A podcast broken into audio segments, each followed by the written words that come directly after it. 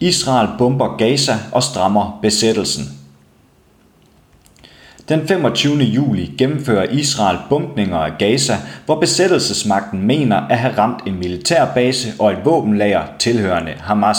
De bombede bygninger støder op til civile områder, herunder en skole, oplyser The Jerusalem Post. Få timer inden havde Israel strammet besættelsen ved at reducere de områder, hvor besættelsesmagten tillader Gazas fiskere at fiske.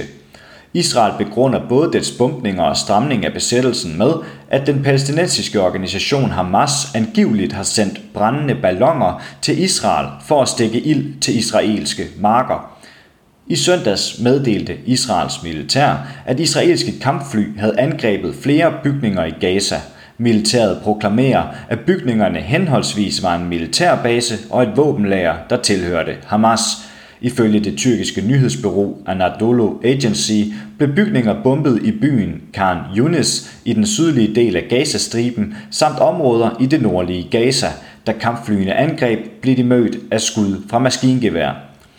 Sundhedsmyndighederne i Gaza har endnu ikke rapporteret nogle dødsfald.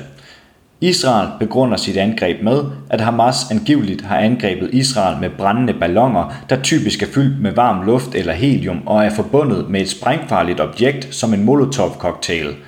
Israel anklager Hamas for at have benyttet sådanne ballonger mod den israelske region Eskol, hvor der for nyligt opstod brand på flere marker.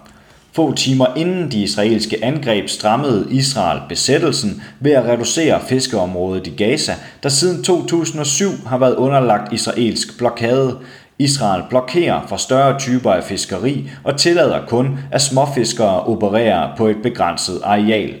Og i søndags blev fiskerne yderligere begrænset, da Israel gennemførte en reducering af Gazas fiskeområde fra 12 til 6 sømil. Det betyder, at Gazas fiskere nu kun har lov til at fiske i halvdelen af det område, som de før måtte fiske i. Israel har talrige gange ændret restriktionerne for, hvor stort et areal besættelsesmagten tillader Gazas fiskere at arbejde på. I april lukkede Israel hele Gazas fiskeområde. Ifølge NGO'en Røde Kors afhænger 24.000 mennesker i Gaza direkte af fiskeri. Dertil kommer detailhandel, vedligeholdelse af både, transport, fødevareforarbejdning og andre industrier, hvis økonomi også afhænger af det lokale fiskeri. Det har derfor stor betydning for Gazas økonomi, når Israel reducerer eller lukker det lokale fiskeområde.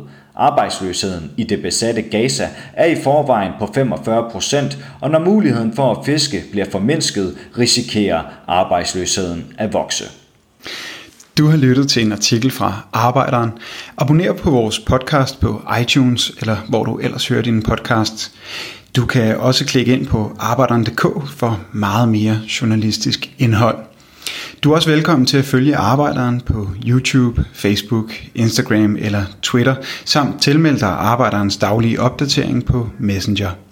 Vil du i kontakt med redaktionen, kan det ske ved at sende en mail til redaktion arbejderen.dk.